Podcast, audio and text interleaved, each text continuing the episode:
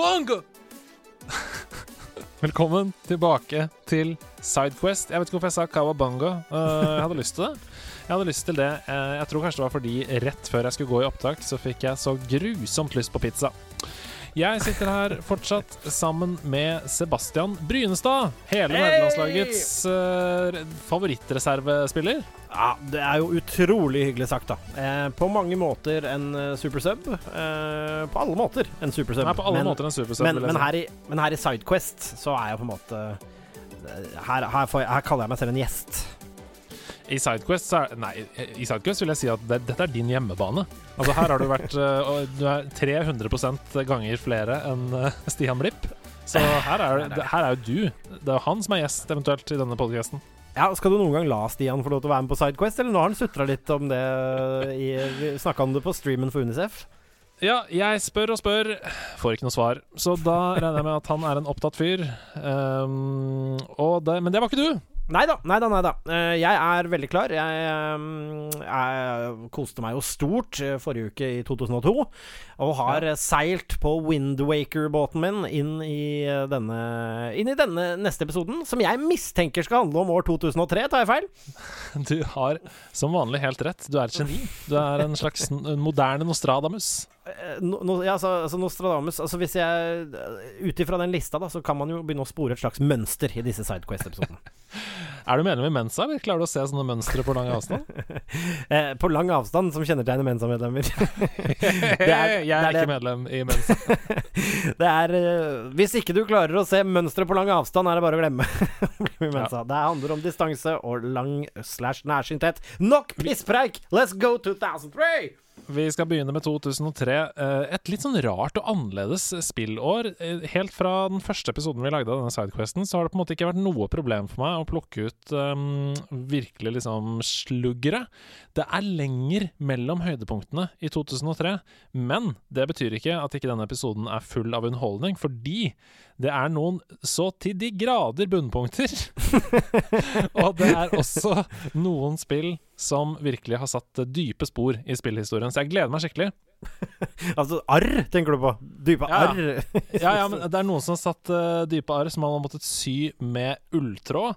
Men det er også noen, er også noen som uh, virkelig har uh, ja, fått oss til å sveve på skyer da, inn i 2004. Ja, nå kjenner jeg gleder meg. Så, ja, jeg skal begynne eh, litt sånn utradisjonelt. Jeg tenkte jeg skulle begynne med to events, fordi de er ganske sånn um, viktige for spill som um, spillmedie, og også spillkulturen. Så jeg har bare lyst til å begynne med to ting som skjedde i 2003. Uh, eh, og det første er 12.9.2003. Da går uh, Steam ut av beta og lanseres. Oi! Ja, det er, ja. En, det er en milepæl. Du kan si at det, den betatesten tror jeg du fikk til, for det har gått relativt greit siden. Ja, altså uh, Steam var jo den aller første um, spillnettbutikken hvor man samlet mange spill i én uh, butikk, uh, og solgte det digitalt. Og det er jo helt Altså, snakk om å være forut for sin tid. Ja, helt klart. Hvor mange launchere har vi nå, liksom? jeg skal ikke begynne å telle engang, ja, men det er jo bare nede på min skrivebordsbar, så er det jo ti ulike, liksom. Ja, og det er jo nettopp det der at det der var jo starten, da. Altså, jeg husker jo den overgangen der hvor det føltes ut Hvis jeg Altså, det, det, er rart å si, men det er sånn Hvis jeg ikke hadde software på liksom en egen disk eller en egen cartridge og sånn, som man var vant til før, så føltes det ikke helt som å eie spillet. Skjønner du hva jeg mener? Mm, mm. At Å kjøpe ting digitalt de, de, første gang jeg gjorde det, så var det sånn Å ja, men jeg eier liksom ikke, jeg bare Det føltes litt som å leie det. Så det tok faktisk meg ganske lang tid. Og nå, jeg kjøper fortsatt fysiske kopier av spill som jeg vil ha i samlinga mi. Det gjør jeg. Men mm. av de spillene som jeg tenker dette spiller jeg en gang, og så Eller de spillene jeg skal spille så mye så, Altså for eksempel Fifa, da. Det gidder jeg ikke å kjøpe fysisk, fordi det, kan, det, er bare perfekt at det ligger der. Men Dark Souls, da skal det være Collectors Editions. Og, sånn. ja, og det skal være bøker, og det skal være masse ting. Men ja. um, Steam hadde i hvert fall Mange ville kanskje si at det fortsatt har en sånn posisjon, men hadde i hvert fall en posisjon litt som finn.no. Det var på en måte bare et begrep. Det er sånn Har du det på Steam? Det var ikke liksom Har du det digitalt? Man sa Har du det på Steam? Mm, mm. Uh, så det var bare Steam. Uh, akkurat som at det er bare Finn man selger brukte ting på. Ikke kom her og si at du bruker noe annet enn finn.no for å selge den gamle trehjulssykkelen din! Nei, ikke kom ut og si at du bruker noe som helst annet. Dette er på en måte også litt reklame, som uh, ikke er spons. På ingen som helst måte. Uh, så finn.no hvis dere hører på. Gjerne send kattepusen deres i vår retning. Uh, den andre store tingen Altså, det skjedde mange store ting uh, i 2003, men jeg har lyst til å trekke fram dette også, og det er altså tragisk, tragisk. Kimberly Beed og Aaron Hamill er to unge voksne som blir skutt og drept av tenåringene William og Josh Buckner. Og disse William og Josh Buckner eh, De sier i avhørene sine at de var inspirert av Grand Theft Auto 3 da de gjorde dette. Ja. Eh, det fører til at familien eh, saksøker Rockstar for 246 millioner dollar. Um, og det De taper Eller det blir ikke noe av den det, det De får ikke penga. De får ikke penga, men det lager en slags strek i sanden, fordi ehm, populærkultur har alltid vært um, en påvirker. Men det var Mm. første gang, tror jeg, da, at et eh, TV-spill faktisk kom på agendaen som eh, Altså at krysningen mellom virkelig liv og TV-spillet ble så Mm. tydelig visket ut, da. Ja, eh, og dette har jo eksistert Det er jo noe som har eksistert lenge. Det der at man finner noen som gjør noe, og så skal man finne liksom straffekulturen, om det er musikk eller TV-spill eller bøker. Altså Det skjer jo i ett sett uten at eh, Og sakte, men sikkert så har vi jo lært at hvis du er tilbøyelig til å drepe noen, så finner du på en måte Eller du har den urgen, så finner du gjerne inspirasjon til det litt sånn uansett. Eh, altså pri, pri, Primeksempelet Primeksempelet, faktisk. The prime example er uh, vel 'Catcher in the Rye', boka som drepte John Lennon. Mm. eh, som ble gjort forbudt og sånn. Men jeg husker jo veldig godt det. Jeg husker jo også de nordmennene som drepte ei jente, var det vel fordi de hadde lekt Power Rangers, var det ikke det? Mm, det er godt eh, Det er helt riktig, det. På den huska der. eh, Ja. På den lekeplassen. Ja, og jeg tenker jo som så at det, det, er, det, det drar liksom en linje i sanda, men det, jeg har jo alltid tenkt, da, for å være helt subjektiv, at det blir liksom en litt sånn Det skal liksom unnskylde seg. Altså Hvis ikke du Mm. klarer å skille de tingene, så mener jeg at da er du såpass tjukk i utgangspunktet, og det finnes ingen bevist sammenheng mellom å spille At det er noe voldsradikalisering i å spille voldelige spill. Det er vel snarere tvert imot, så vidt jeg har forstått. Ja da, definitivt ikke de fleste studiene Vi kommer med en podkast senere i år, faktisk på NRK, som heter Smartere på ti minutter, hvor vi tar for oss dette mm, begrepet, eh, eller denne sammenhengen mellom voldelige spill og vold eh, i virkeligheten. Så sjekk ut det. Eh, De fleste studiene påpeker de aller fleste studier påpeker at de ikke har noen eh, korrelasjon da, eh, mellom de to tingene. Men det er jo sånn at folk har jo sett voldelige filmer, voldelige serier, hørt på voldelig musikk og gjort voldelige ting av det. Så det er som du sier, Sebastian. Eh, jeg ville bare trekke det frem fordi det var såpass Altså, det satte voldsspill så veldig på agendaen. Og vi kommer tilbake til det i denne episoden. Men la Ja. oss sette i gang med spillene, da, dere! Come on! Og vi skal til 21. mars 2003. Eh, vi er på Gameboy Advance, og det kommer et spill som eh, er helt annerledes enn alle andre spill fra dette universet, men kjempe, kjempe, kjempegøy. Det er ikke noe spill som på en måte eh, vinner Oscar for verdens beste historie, men satan så gøy det er. Jeg snakker om. WarioWare.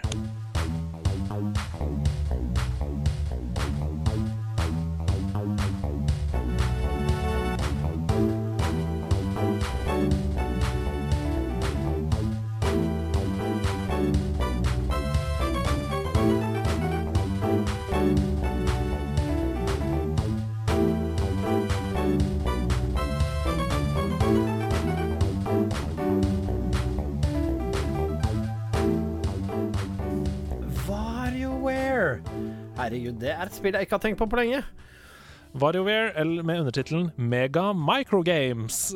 Mega Microgames, vet du. Ja, um, et spill som uh, jeg husker vel Var det ikke noe sånn Altså noe sånn derre boksing uh, husker ikke helt uh, Husker rett og slett ikke helt det spillet. Det, det jeg må innrømme at Vario har liksom aldri appellert til meg. Uh, han var veldig sånn og litt sånn barnslig. Og jeg tror rett og slett det er det som er problemet. At det blei for barnslig for meg, det spillet, i 2003. Altså, WarioWare er jo da eh, en samling av det som de sier på tittelen her, microgames. Og det er på en måte minigames som du må bli ferdig med innenfor tids, eh, en tidslimit. Mm. Sånn at det er sånn three, two, one, go! Og så er det sånn ti sekunder på å uh, barbere denne barten. 15 sekunder på å vokse denne ryggen. Uh, sånn. og eh, det som er gøy med det også, er at det er så fullt av referanser fra hele Nintendo-universet. Så det er for eksempel plutselig da, så kommer det et sånn microgame som bare er Legend of Zelda, det første spillet. Eh, og du får, du får aldri instrukser for hva du skal gjøre før du begynner. Så, du må bare, «Oi!» så må du bare kjøre på og klare det innen sekundene. Og da er det sånn, du skal bare gå til døra, altså hulen, eh, for å komme deg ut av den screenen fra det første Zelda-spillet. Og så det bare sånn Mm. You did it! Neste bane. Three, two, one! Og så er det et nytt spill. Ja, ja altså det er, det er et kult konsept. Eh, Som sagt, jeg har bare ikke forhold til det, men jeg har spilt noen lignende sånn på IOS, eh, som er sånn Ja, bare gjør noe. Eh, Du vet ikke hva.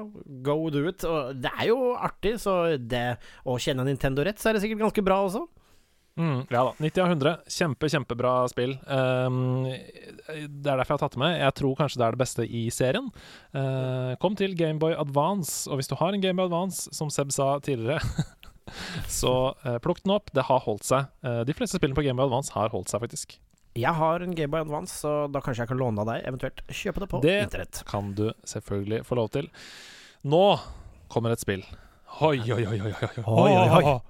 Nå kommer et spill som mange mener fortsatt er det beste under denne franchisen. Um, det, det ble trukket fram da vi snakket om uh, denne franchisen på Tiltcast i fjor høst. Ja. Um, jeg snakker om Star Wars Nights of the Old Republic.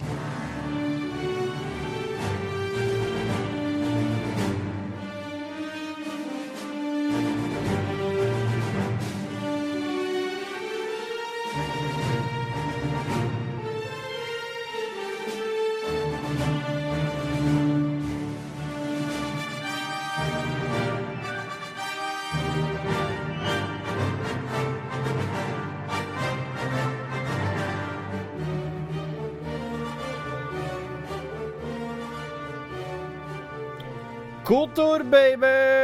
Kotor, baby! Ja, det har jeg spilt uh, Det har jeg spilt mye, det. Oi, oi, oi. oi. Det har jeg spilt Kommer- så mye. Ja. Først ut på Xbox uh, 15. juli 2003. Mm. Mm. Uh, jeg, fortell, fortell. ja, nei, altså Faktisk. eh, vi hadde, hadde æren av på et kontor å ha en Macintosh som også kunne, kunne, altså, de også kunne spille Nights of the Old Republic på! Mm. Kom Eh. 7. september, året etter, eh, på Mac. Ja, det, det stemmer. Um, det stemmer, Så da, da har jeg jo blanda årene her. Men det, det, uansett, Kotor er Kotor, og endelig kunne du tråkke inn i en skikkelig RPG og bli en uh, hyggelig fyr, eller en muggen fyr, og bare være i disse verdenene, møte kule karakterer, quests. Du kunne dual-wielde, Andreas. Du kunne dual-wielde, Andreas. Ja, ja, ja, ja, ja. Um, det er Star Wars, det er musikken, det er karakterene, det er stedene, det er skipene, det er arten. Og det var vel ikke så veldig mind-blowing graf grafisk, mener jeg å huske. Jeg husker at det var ikke der jeg ble liksom helt blåst av banen. Men det var Star Wars, det var godt håndverk, og et spill jeg sikkert har klokka 300 timer i, tenker jeg. Mm. Ja, det ble jo tatt imot med veldig veldig åpne armer av alle spilljournalister i verden som et fantastisk spill. Eh, alt av anmeldelser ligger rundt ni eller ti av ti. Og jeg husker at jeg tror dette var et av de aller første spillene hvor jeg skjønte at wow, her er det et spill som jeg kan spille gjennom flere ganger med en ny klasse. Og så er eh, opplevelsen annerledes. Uh -huh. uh, selv om jeg møter på de samme tingene, så er det, det, er, det er fett å fighte som scout, men det er også fett å fighte som en scoundrel. Um, tenkte eh, og, og subclasses med Guardian Sentinel og uh, Altså, i dag så er jo dette helt vanlig. Man spiller Destiny med masse forskjellige karakterer opp til høyeste level og sånn, men Kotor var nok det første spillet jeg spilte hvor jeg oppdaga virkelig den gleden. Ja, og det jeg husker aller best med det, var jo Altså, det har jo fantes i spill før, men jeg tror dette er første gang jeg hadde en sånn uh, kul opplevelse med det. Jeg spiller alle spill uh, fortsatt første gangen som the good guy, men andre Mm. gangen hvor man bare go Når du går evil i Kotor Den følelsen der, å være det sitt, uh, Sith og slippe seg løs og bare go badass. Mm. Kjempegøy. Og hva gir det? Jo, det gir spillet levetid, eh, spilleverdi, eh, du kan utforske, kan kose. Det er, det er et spill da, som eh, Altså, både eneren og toeren av Kotor er Jeg tror det er det spillet jeg, En av de spillene jeg ønsker meg mest nå, er et nytt Kotor. Ja, det skjønner jeg godt. Det var så kult og innovativt eh, at det var sånn rundebasert combat også inn i, den, i det spillet. Eh, at du Det var den derre Dungeons and Dragons-reglene. Eh, hvor de actionene ble liksom regna ut på, på det D20-systemet da som Dungeons and Dragons bruker. Mm, mm. Um, og det, du, man ser jo ikke det nødvendigvis på skjermen, men alle sånne rolls og modifiers og sånn kan du se på en meny. Uh, og jeg syns det, det, var så fett, og jeg, jeg, liker jo egentlig også sånn rundebasert. Jeg er jo veldig glad i Pokémon, f.eks. Uh, ja. Det systemet hvor jeg kan liksom stoppe opp og tenke hm, Potion nå, eller? Potion nå, eller? Eller skal, skal det swappes, eller skal det fightes? Liker det. Ja, ja. Og den suspensen det er i det, ikke sant. Når du står og der, ah, det er lite helse, det er lite helse her. Ah, hva gjør man? Hva skal man gjøre nå? Man kan bruke den. Kommer det til å gå bra? Og så Ja, nei, det er uh, Kotor. Det er en eh, klokkerein eh, sekser fra meg. Jeg tror nok kanskje at det vil nok virke litt preget om du spiller i dag. Ja. Helt enig. Tidens tann har ikke vært så grei mot det spillet. Uh, men det er derfor vi ønsker oss et nytt. Så lytt til oss da, folkens. Er det Disney ja. som har den lisensen nå? Antakelig. og nå trenger vi Vi har, har egentlig Sidequest noe gjennomslagskraft overfor Disney? Jeg veit ikke, men alle sammen, nå går vi inn i kommentarfeltet til Disney og skriver 'nytt kotor'. Takk. Alle dere som er bak denne tieren på Patron, vi kan forandre verden. det kan vi. Sammen så er vi dynamitt. Joik er kraftigere enn krøtt. Okay. ok. Det er um, også som, som, siste episode, så, så, er vi allerede i oktober, men det er fortsatt mange spill igjen på lista mi, så høsten har plutselig blitt en sånn greie uh, for spill. Uh, ja. Det, det, kanskje det var 2002 som startet den trenden om at, å begynne å uh, kline inn titler mot julesalget. Nettopp det, ikke sant? Men vi skal til 28. oktober 2003. Eh, Et spill som slippes til det som nesten er å slippe, og det er ikke så rart, for det er jo helt drita bra. Eh, det tar eh, tredjeperson plattform og blander med action adventure og puzzle og alt hva du vil, og har dødsfete mekanikker. Jeg snakker om Prince of Persia, The Sands of Time.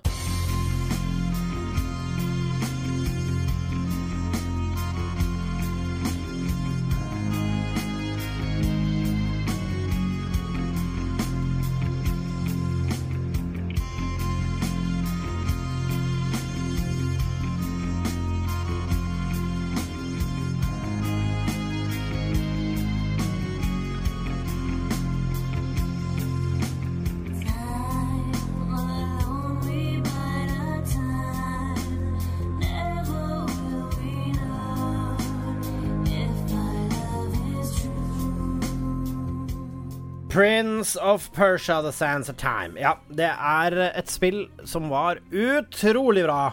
Uh, men Og her kommer det et lite men fra meg. Jeg storkoste meg med det. Det var plattforming på høyt nivå, det var fet combat, det var et veldig bra spill. Men um, det er et eller annet ubestemmelig med Prince of Persia. Jeg ble aldri liksom forelsket i det spillet. Mm. Uh, det var et spill jeg spilte, og spilte aldri igjen. Skjønner du hva jeg mener? Ja. Jeg, jeg, skjønner veldig godt hva du mener. Eh, mange peker nok på at eh, dessverre så er ikke um, vi, vi, altså Dette er Ubisoft. Hvis du sammenligner med Rayman, som har et mm. enormt presist kontrollsystem yep. det, var ikke, det, var ikke, veldig presist i Prince of Persia. Så Derfor så døde du ofte noen ganger, og så følte du sånn Det der var ikke min feil. Og det er den verste følelsen i et plattformspill. Ja, Uh, og det er, det er nesten game-breaking. Og da, jeg syns også at det liksom var clunky, men uh, fortsatt liksom helt innafor til at man gadd å gjøre det igjen, og spennende nok og bra nok og alt dette. Men eh, må vel kunne sies at det er et spill som går i glemmeboken for meg. Jeg syns ja. ikke storyen er tight nok, jeg syns ikke hovedkarakteren er spennende eller dynamisk nok, og jeg syns ikke det er noe spesielt sånn der, Historiefortellingen er ikke god nok, og når da ikke gameplayet er beinpresist, da, da, da ble det en positiv opplevelse, og det var det. Når det skal, er sagt, da, så snakker jo vi på en måte nå med moderne øyne. Altså, eh, Da dette ja. kom i 2003, og jeg var 15 år, eh, og jeg for første gang i et spill kunne rewinde hovedkarakteren! Ja, ja, ja, ja, ja, ja. Så tenkte jeg sånn Hva i helvete er det som skjer her? Dette er jo helt magisk. Altså Hvis jeg faller ned i et hull, som jeg hadde gjort med Crash Bandicut 6500 ganger, eh, så kunne jeg bare opp igjen og prøve på nytt. Det var jo helt magisk! Ja, det var jo timeglasset. The Sands of Time, Andreas. Ja, ja, ja. Uff, så kule mechanics. Og så er det som jeg sier, det var en god opplevelse. Hadde litt der, men det går i min glemmebok. Og hvis det ikke hadde vært for de mechanicsene der Det er jo flere intervjuer, bl.a. med uh, Jeff fra The Overwatch Team, som sier at Tracer sin rewind-evne kommer direkte mm. fra Prince of Persia. Um, det samme gjelder også Life Is Strange, dette pek og klikk-spillet hvor hovedkarakteren har mulighet til å spole tilbake tiden. Ja, nei, fantastisk, altså. fantastisk. Nå er det på en måte uh, i, i, utviklernes verktøykasse, dette spoleverktøyet. Uh, og det var det ikke før Prince of Persia. Nei, og det, og det, tar vi med oss fra Prince of Persia, men jeg har sagt det før, og jeg sier det igjen. Etter å ha spilt det, så spolte jeg tilbake og glemte hele greia. ja, nei, det ble Det er nok en best opplevelse på PlayStation 2 og Xbox. 92 av 100 der. Vi hopper videre til slutten av oktober. Fortsatt ja. i oktober. Ja, 29. oktober så kommer det en så eh, bauta etter bauta som det kan få blitt. Hvor Oi. i helvetes mange spill er det som har kommet uh, etter dette? Det er Michael Giacchino, en legendarisk komponist, som har laget musikken. Også lagd til uh, den uh, Disney-filmen med de der The, The, Superheroes Hva heter de der oransje superheltene? det er The Incredibles? Nei. Ja, The Incredibles. Han har også lagd musikken der. Jeg snakker om Call of Duty.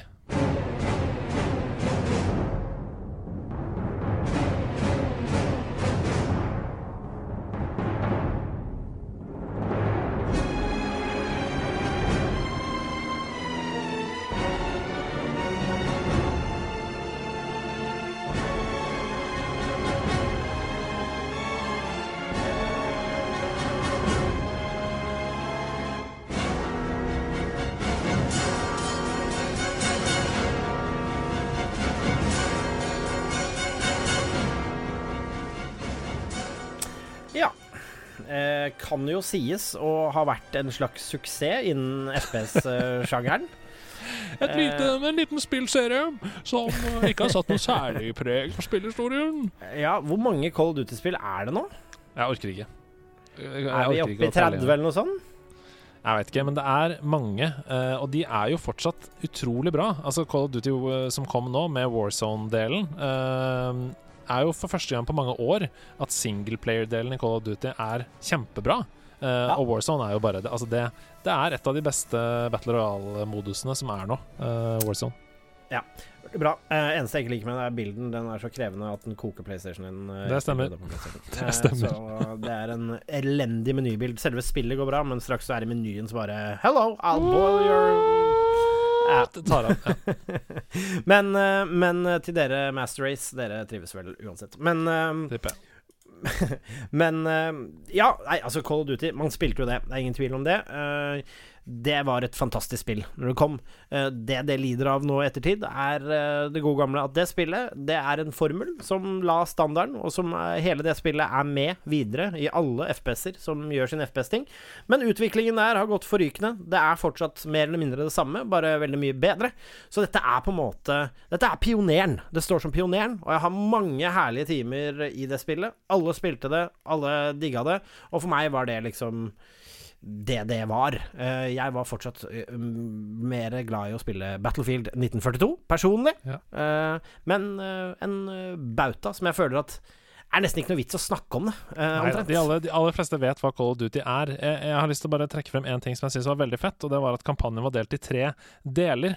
Uh, mm. En amerikansk campaign, en British campaign og en Sovjet campaign. Da. Det var liksom fett at du fikk lov til å se en konflikt fra flere sider. Det var veldig gøy. Ja. Nei, øh, en blomst i posten til Call of Duty. Dere satt standarden. Eh, vi får ikke noe egen musikk på akkurat det spillet jeg skal snakke om nå, fordi vi snakket litt om det i forrige episode, men det er altså The Lord of the Rings, The Return of the King, som er det tredje spillet i denne da, action, eh, hack and slash action-RPG-serien, eh, hvor du da kunne spille som Gandalf og slenge staven din rundt omkring. Jepp, det stemmer. Um, jeg har en liten ting å si om det. Jeg syns uh, Return of the King var mer buggy enn uh, Two Towers. Eller er det jeg som blander det? Du har helt rett. Du har helt 100% rett. Det er ikke det samme studio som utvikla det. Uh, men det ble utviklet over samme lest som det andre, og fikk tilgang til kildekoden.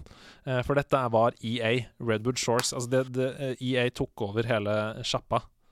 Ikke sant? Så Derfor så skal vi ikke snakke så mye om det. Jeg ville bare si det. Det kom eh, 3.11.2003, og det var jo kjempebra. Eh, men det største i den serien for meg, det var Two Towers. Og jeg tror mange er enige om det. Ja. Vi hopper fire dager fram i tid, 7.11.2003, og dette spillet skal så til de grader få sin egen musikk, fordi mange vil nok si at dette er det beste i serien, selv om det ikke er så mange som har spilt det, nettopp fordi Oh. det var nesten ingen som hadde GameCube. Jeg snakker om Mario Kart Double Dash.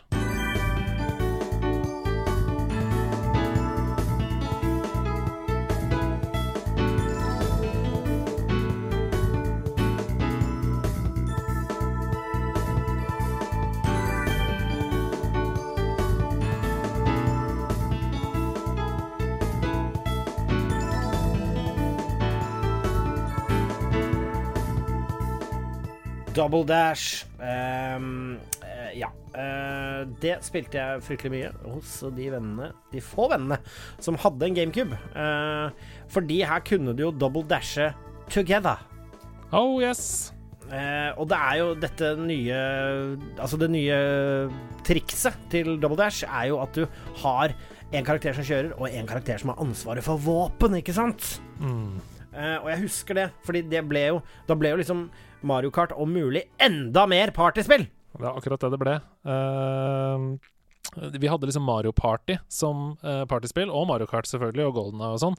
Men dette var jo at de som ikke syntes det var så fett å kjøre, og syntes det var dårlig å komme ut på gresset hele tiden og sånn, de kunne ta over denne våpenfusjonen. Ja, nettopp. Da, da var du også liksom på lag. Det er et eller annet med det. Altså Noen ganger Noen mennesker er jo ikke glad Jeg må rette på mikrofonen min, beklager. Um, noen mennesker er jo rett og slett ikke glad i å spille versus uh, co... Altså, spi, altså toplayer hvor det er mot hverandre. Uh, Mm. Og det syns jeg er fint, der, for her kunne man være på lag. Mm. Uh, og Ja, det er kjempegøy. ja, det er veldig fint, syns jeg. Det ble tatt imot veldig godt. Nintendo Power eh, ga det ti av ti, og sa at eh, graf the graphics were of 3D perfection. Og når jeg ser på gamle screenshots her nå, det er jo sånn man har et eh, minne av hvordan det så ut, men Mm. det ser faktisk bedre ut enn jeg husker, ass. Ja, men skal jeg ta, søke opp sjæl her. Skal vi se.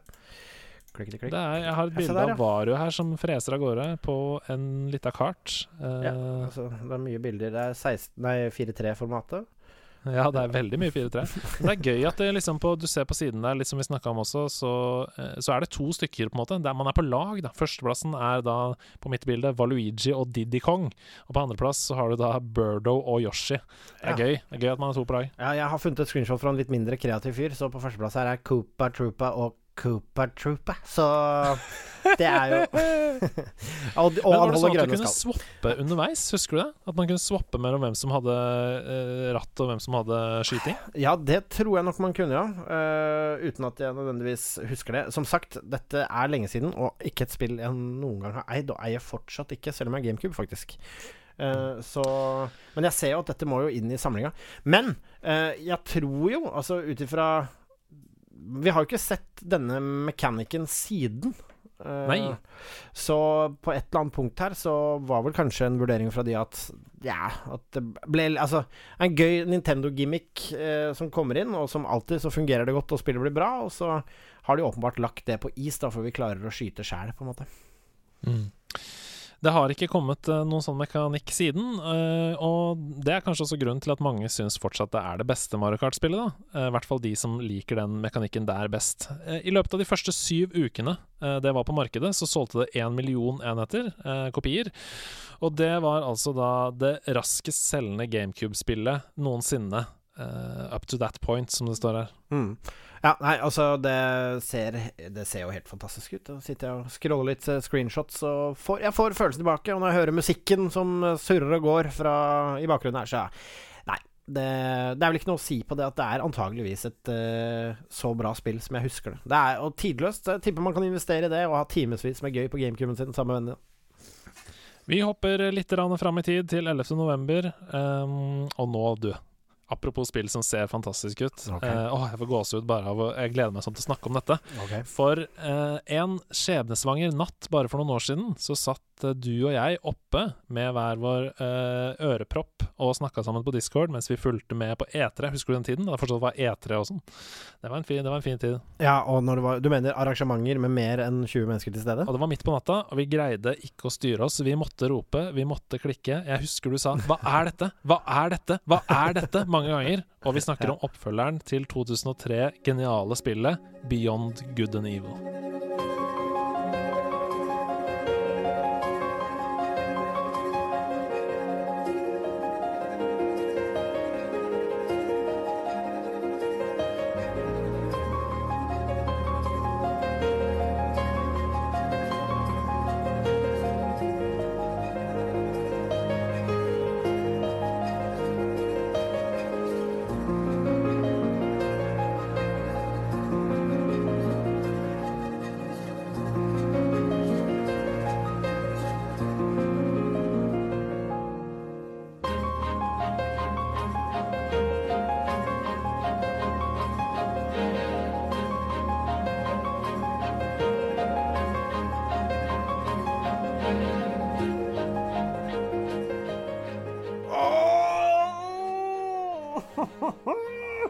Å, fy fjesing. Det Ja.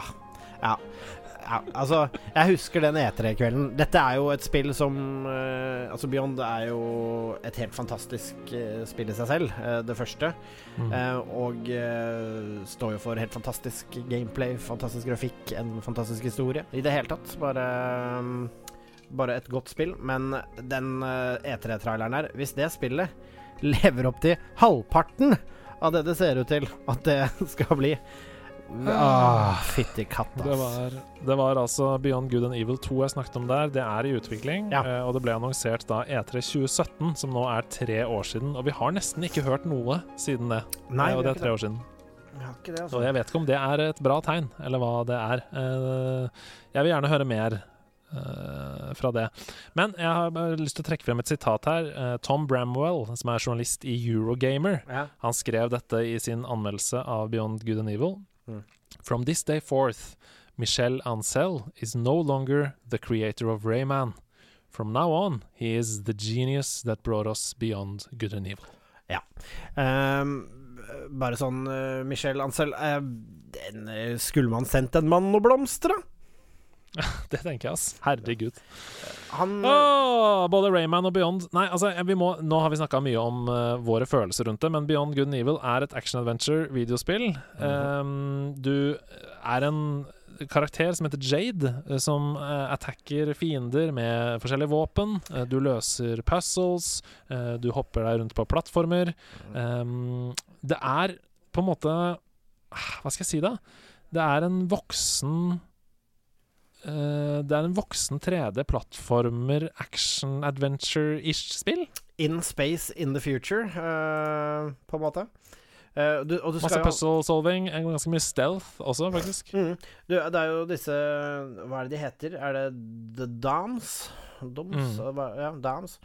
Uh, så du skal, jo, du, skal jo finne, du skal jo finne ut hvorfor de driver med disse Disse mm, disse sporesene sine, da. Denne Mm. alien-rasen. Og det er jo Og du har, må huske, du har jo martial art i, i bunnen. Det er eh, Altså, jeg lurer litt på Når jeg tenker Jeg prøver å tenke det på det nå, liksom, om det hadde stått seg i dag. Um, Ja. Historien, altså selve den kanskje, på en måte, men kanskje ikke gameplay, eller? Nei, jeg, jeg, jeg tror det er mer clunky enn vi husker. Uh, vi var jo Vi aksepterte jo veldig mye mer. Jeg var litt inne på det i forrige episode også. Vi aksepterte veldig mye mer på den tiden uh, av mm. hvordan gameplay var, og vi bare ble vant til sånn OK, i dette spillet så er det sånn at hvis du går sånn, så tryner du og dør. OK, da får jeg bare jobbe meg rundt det, på en måte. Mm, Men uh, jeg syns det er litt interessant fordi Beyond Good and Evil eh, skulle være et mye større spill enn det det ble. Det er et eh, ganske lineært og veldig sånn rett på-spill. Um, Mm. og, og grunnen til det er fordi uh, Michel Lancel, denne eh, utvikleren som skrev spillet også, han Mm. hata uh, Windwaker. Um, Han syns at eh, det å eh, Exploration-delen i Windwaker, hvor du sitter i den båten og bruker lang tid på å komme deg rundt omkring og sånn, det bare kjeda han seg i hjel av. Så derfor så fjerna han veldig masse eh, av utforskingsdelen i Beyond Good and Evil. Og selve teamet som jobba med spillet, ble veldig sånn demotivert av akkurat det. Ja, det kan jeg tenke meg. Og i intervjuer så har han Michelland selv sagt da at det, det fullførte spillet føltes mer som en oppfølger. Fordi det var Ja. så forskjellig fra det det egentlig skulle være. Ja, for du merker jo liksom i den core-mekanikken i det spillet at det er lagt til rette for at du skal kunne bruke henne til å explore mye mer og skaffe disse fotobevisene og Mm. uh, alt dette her. At det ligger liksom Du aner konturene at her når, Altså når du sier det dette var, dette var nyheter for meg, men når du Mm. sier det, så henger det veldig på greip. Han ble veldig inspirert av Ico, eh, det lille spillet eh, Ah, som Ja? Eh, som, hvor det skjer veldig mye på veldig liten plass, da. Og prøvde å implementere dette i Beyond Good and Evil. Men, Ja, og det er jo aldri lurt med sånne etterpåtanker fordi du ser noe som er bra. Kunne du liksom ikke skjønt at Selda var også bra, da? Jesus. Ja, Ja, altså, hva, kunne, hva kunne spillet ha vært? Det får vi aldri se. Eller gjør vi det, da? Ja, for Beyond hvis da dette, eh, denne oppfølgeren noen gang kommer, så kan det jo hende at alle ideene er realisert. Vi har tre spill igjen på lista mi her. Um, og det første kommer 17.11.2003. Nei. Å, det er en liten kosekladd av et spill, altså. Det heter Å. Mario og Luigi Superstar Saga.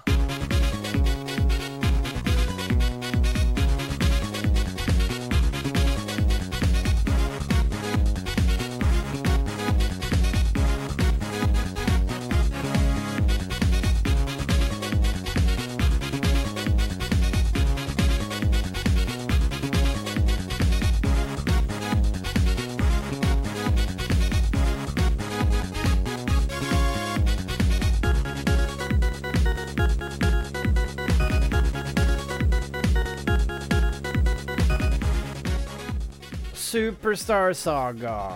Ja, der er vi inne i Super Mario igjen. Ja, og det Eh, er et ja. eh, RPG.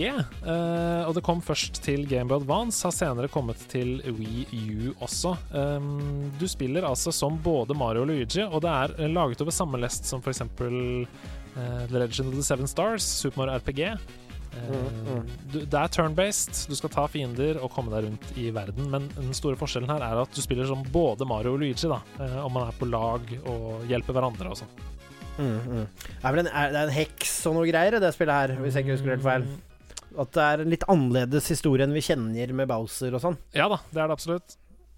Eh, det er da altså Cacletta som er den store Ja, stemmer, stemmer, stemmer, stemmer.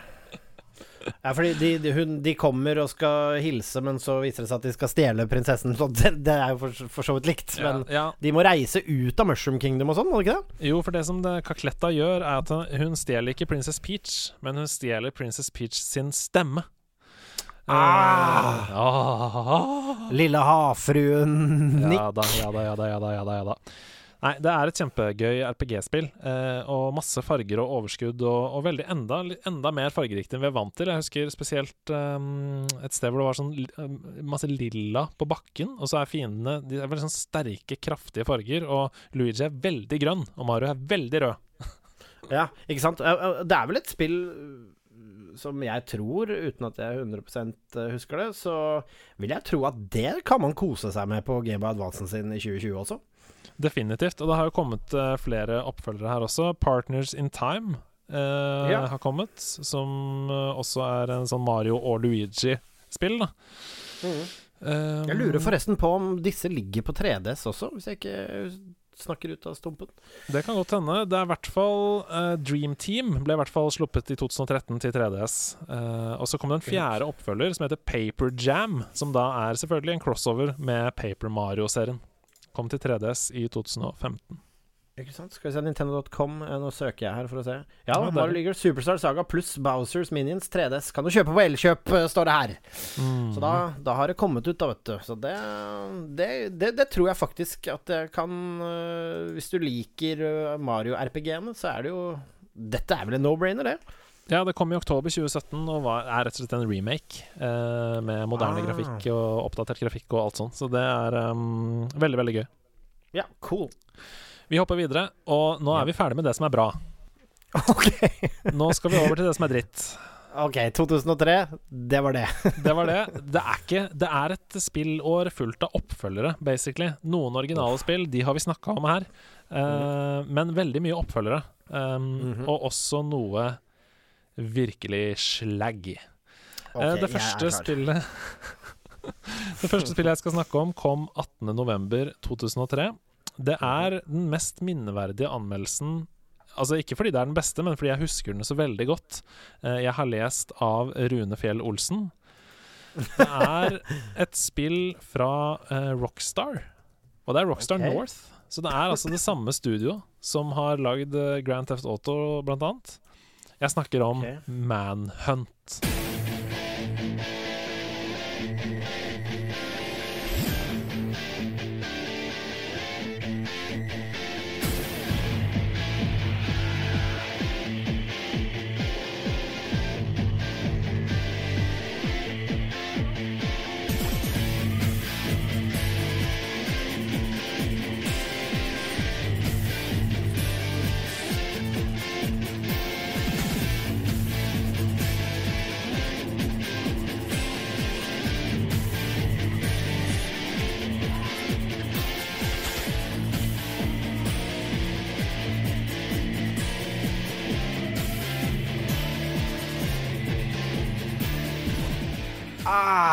Manhunt. Fytti grisen. Vet du hva?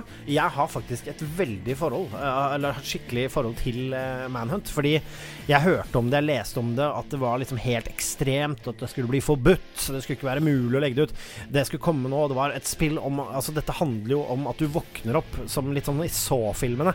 Du våkner opp i et uh, rom, bare, hvor du blir filmet av en eller annen gærning, og så er det Du er alene der, og så skal alle som er inni denne, dette fengselet denne basen du er i. Alle skal prøve å drepe deg. Og det er liksom et sånn snuff-film-game. Og du er en fyr da som må komme deg ut, du må escape dette her, og du følger deg selv hele tiden via videoovervåkning. Og så er det ekstremvoldelig. Uh, for tiden, da Hvis du ser det nå, så ville du antageligvis uh, ledd av mye av det. Men det er liksom Det var helt sånn uhørt voldelig i sin tid, så jeg var altså så hypa på det spillet, selvfølgelig. Apropos mm. ikke spille WarioWare. Dette, nå kommer ja. det. Spillet for oss voksne gutter! Ja, altså Manhunt går da ut på, som du sier eh, du, du, skal gjennom 20 baner, eller scener, da. Fordi det er jo på en måte en regissør som driver og følger deg med dette overvåkningskamerasystemet hele tiden. Og på slutten av hver av disse banene så handler det altså om å eh, Jeg har ikke lyst til å si ta livet av. Det handler om å execute. Altså det handler om å uh, virkelig liksom drepe på bestialsk vis mm. den siste personen i banen. Og når du gjør det, mm. så zoomer spillet ut og viser deg det i reprise over sånn uh, overvåkningskamera. Nøye hvor tydelig det er du lager det. ja. Um, og jeg, og jeg, jeg bare lese litt fra, fra Rune sin anmeldelse her. Gjør det. Um, OK. Spilleren styrer den dødsdømte fangen James Cash, som blir reddet fra sin egen henrettelse av snuff-filmprodusenten Lionel Starkweather. Han slipper Cash løs i en by rigget ved overvåkningskameraer, hvor morderiske gjenger patruljerer gatene, og hensikten er å filme det som skjer, og selge resultatet.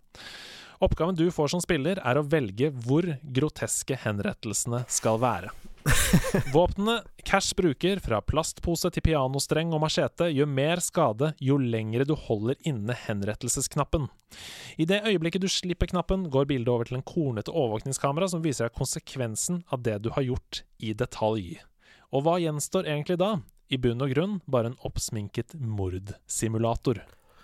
Ja, øh, han har jo helt rett i det. Mm, det var ikke et spesielt bra spill. Det var øh, litt clunky, det var litt rart. Hadde litt sånn der, fikk litt sånn Resident, Resident Evil-vib over noe av øh, vinklene som ble brukt og sånn. Men for å si det sånn det var så sjokk, da. Altså, det var, det var, det ulovlige spillet, selv om det var helt lovlig. De klarte jo å gjøre det i kampanjen sin. De skodde seg jo veldig på nettopp det vi snakket om tidligere her, med at vold i spill ikke skulle være lov. Det var jo som en slags mm. sånn reaksjon, nesten. Sånn, altså, jeg vil si at det er litt sånn punk allikevel, av Rockstar North. Og liksom bare Fuck you! Her kommer det mest bestialske drapssimulator noensinne ta og Foreldreforeninger, ta sug på denne, hvis du skjønner hva jeg mener. Eh, så jeg husker veldig godt hvor kult det føltes å putte det inn, og jeg husker at det var skummelt, og jeg husker det prega meg. Jeg husker jeg ble litt sånn uggen av det og tenkte på å shit, hva hadde jeg gjort selv om jeg var i den situasjonen? Og det var første mm. gangen jeg tenkte på hva skjer hvis noen tar en plastpose over huet på deg, og du må liksom suge den siste lufta ut. Så det var et spill som gjorde inntrykk, om ikke annet. Men som spill er det ganske svakt. Men som mm. opplevelse i sin samtid så vil jeg faktisk gi gi det en bitte liten slags avantgarde eh, anerkjennende klapp på skulderen.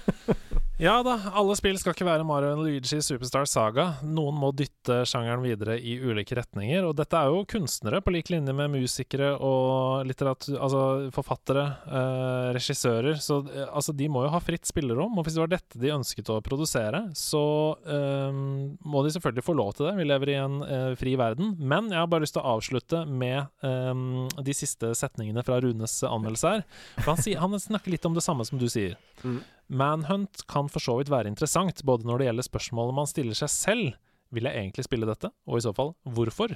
Og når det gjelder en mer offentlig debatt. Men uansett hvor interessant Manhunt er, så syns jeg det er meningsløst å bruke 600 kroner på et spill som dette.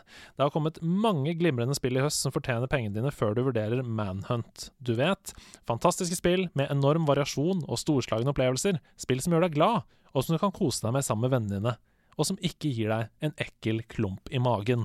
Ternekast to.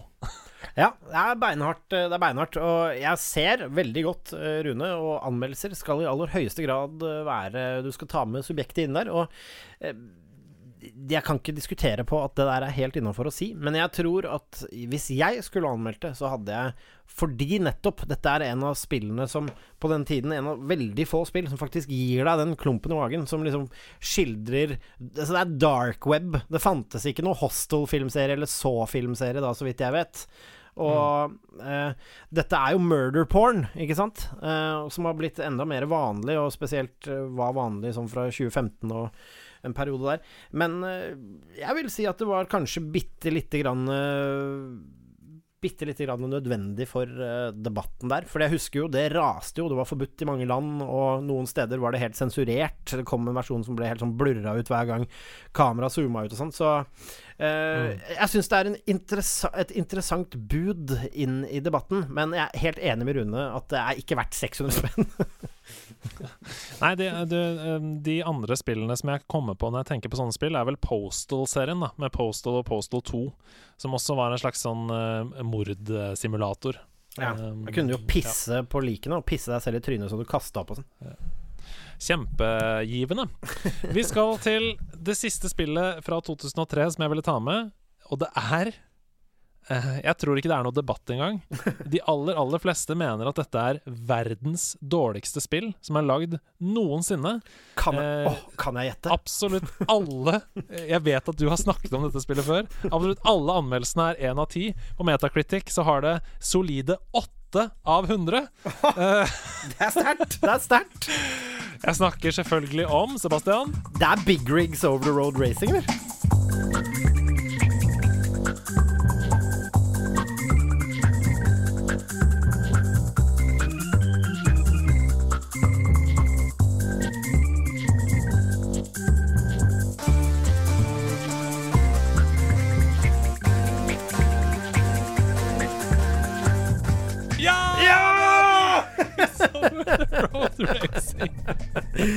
Big Rigs har jeg faktisk kjøpt meg, så det har jeg en fysisk kopi av.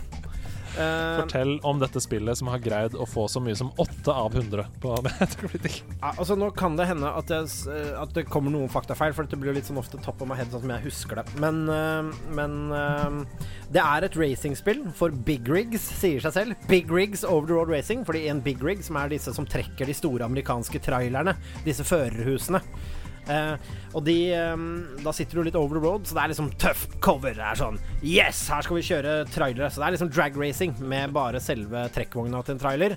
Og store piper, og det skal være big rigs og tøffe race. Det som er, at det er et russisk studio, om jeg ikke husker helt feil, som uh, har laget det. Stemmer det, Andreas? Um, kan. Hva var det sånn, hvem det er som har Jeg bare sitter og leser anmeldelser her og ler meg i hjel. Jeg bare gleder meg til å lese de høyt etterpå. Ja, det, er, det er Stellar Stone som er utvikler her. Jeg lurer på om de er russere, jeg husker ikke. Anyways, dette er en, et spill hvor de bare har fått liksom laget noen bokser. Det er helt sjelløst. Det er ingen tekstur, det er ingen boundaries, det er ingen grenser for noe som helst. Kan, det, er ingen, det, er ikke noe hitboxes på noe. Det er bare liksom så vidt det er en bild da som gjør at du kan kjøre mot hverandre. Det er ingenting som funker. Hvis du rygger og holder bakover inne, så er det unlimited speed. Du kan kjøre beint rett ut av kartet og bare forsvinne ut. Og det er ingen funksjon. Det bare handler om å kjøre rundt og komme først i mål og bare for å pisse deg i trynet etter du har kjørt Big Rigs Over Road Racing. Det eneste som skjer når du kommer i mål, er at det kommer opp en sånn eh, Sånn der, skolepresentasjon fra Word, sånn pokal, og så står pokal? det Ja, kommer en pokal opp, og så står det 'Your winner'. Your winner. ja. Your winner. Og det spillet er så broken. Hvis du Jeg vil anbefale samtlige ah. den beste anmeldelsen som finnes av dette spillet. Mm, det er en legendarisk GameSpot-video. Uh, GameSpot jeg tror det er den første Abysmal de ga. Mm. Uh, og det er anmeldelsen Jeg tror det er han Navarro som lager den, ikke husker helt feil. Ja, ja, det, jeg, jeg sitter med det her. Ja, og den vil jeg anbefale alle å se. Jeg skal ikke spoile den. Bare se Navarro sin anmeldelse på Gamespot. Den videoen er et lite kunst, uh, kunstverk i seg selv, og det var det som vekket min kjærlighet til det spillet, og visste at dette kommer til å stå som verdens dårligste spill. Dette må jeg ha. vi, må, altså, vi skal avslutte denne podkasten, men vi må bare ta en liten runde innom Metacritic og lese litt her. Um, det, det, det, som er gøy, er at uh, dette kommer til å ta litt tid, så det må dere bare leve med. Uh, vi skal lese litt fra noen anmeldelser, men vi skal også, det har blitt en meme å gi det spillet spillet ti av ti hvis du er user. Så det er jo masse ti av ti-anmeldelser her. Eh, det står Way ahead of his time. Big rigs revolutionized what racing is all about. Ti av ti. Eh, Kyle Wibrig. This game is awesome. I used to be a total loser, but after big race I feel so much more winner. Ti. You're a winner. yeah, I feel so much more winner. Nei, men ok, her skal vi lese litt fra noen uh, anmeldelser. Ja. G4 TV. Veldig simpelt. Dette er alt som står i hele anmeldelsen. This is hands down the worst video game to ever see the light of day. Null. Det er hele anmeldelsen. Den sitter. Her kommer Cheat Code Central. Uh, I know it's difficult to imagine, but big rigs over the road racing is so pathetic it makes a sandpaper and vinegar enema sound positively delightful. Sandpaper and, and Sandpaper and, And vinegar, vinegar enema. enema. altså et klyster. Et klyster Ja. av sandpapir. og eddik. Sound positively delightful. Den sitter. Her kommer Thunderbolt. If you hate someone, and I mean really hate someone, give them this game as a gift, in the hopes that they'll play it, because that way you can say to them, haha, you're an idiot who plays big rigs. Null av ti. Her er GameSpot. So astoundingly bad that it manages to transcend nearly every boundary put forth by some of gaming's absolute worst of the worst, and easily makes it into that dubiously extraordinary category of being one of the worst, most atrocious games ever published. Jeg lurer på, jeg lurer på om liksom utviklerne Jeg har lyst til å være flue på veggen når, når det liksom OK, the final build. Send it out! We gotta send it out! We gotta earn this money back! Let's check some reviews, man. Let's check some reviews. Ok, okay let's check it out, man. Hvis du gir dette til en venn, hvis du hater venn Fordi da kan du le av han og si ha-ha, du spiller big rigs. Nei. Her er den siste anmeldelsen jeg skal lese opp uh, før vi skal ta kvelden. Uh, since there are absolutely no categories that this game can claim to have completed, it gets a zero in everything. Gameplay is a zero because those goals you have in the game isn't really a goals. With no competition and no cargo, it's degenerated into 3D connect the dots. with no clipping, the graphics scores a zero. There's no audio, and with no gameplay, there's no replay. Is an absolute failure in all departments of what a game should be. det er, Den anmeldelsen lyver. Det er audio. Det er nemlig en motorlyd. som ikke er en motorlyd, egentlig. Som bare går til ett punkt og ligger og ruser der hele veien. Eh, bare sjekk ut Navarro sin videoreview som etter denne podcasten. Gå og kos dere med Big Rigs. Anmeldelsen til Navarro. Han, den, den, han sier ikke ett ord i anmeldelsen, og det trenger han heller ikke å si, fordi fjeset sier alt i den videoen.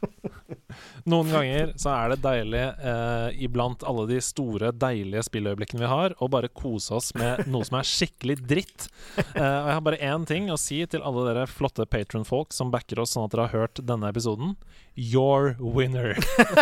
You're so absolutely winner. Og jeg har lyst til å også takke dere og minne dere på en anmeldelse som ble skrevet på norsk. Eh, Det var eh, plata 'Sweethearts' av Katrine Moholt, som er en flott dame, altså. Men den plata vel, hadde vel kanskje litt å gå på. Eh, og da var det en anmeldelse som er en av de beste anmeldelsene jeg har hørt av noen noensinne, hvor det bare sto setningen 'Denne plata sammenlignes best med å banke huet i en bøtte knuste lyspærer'.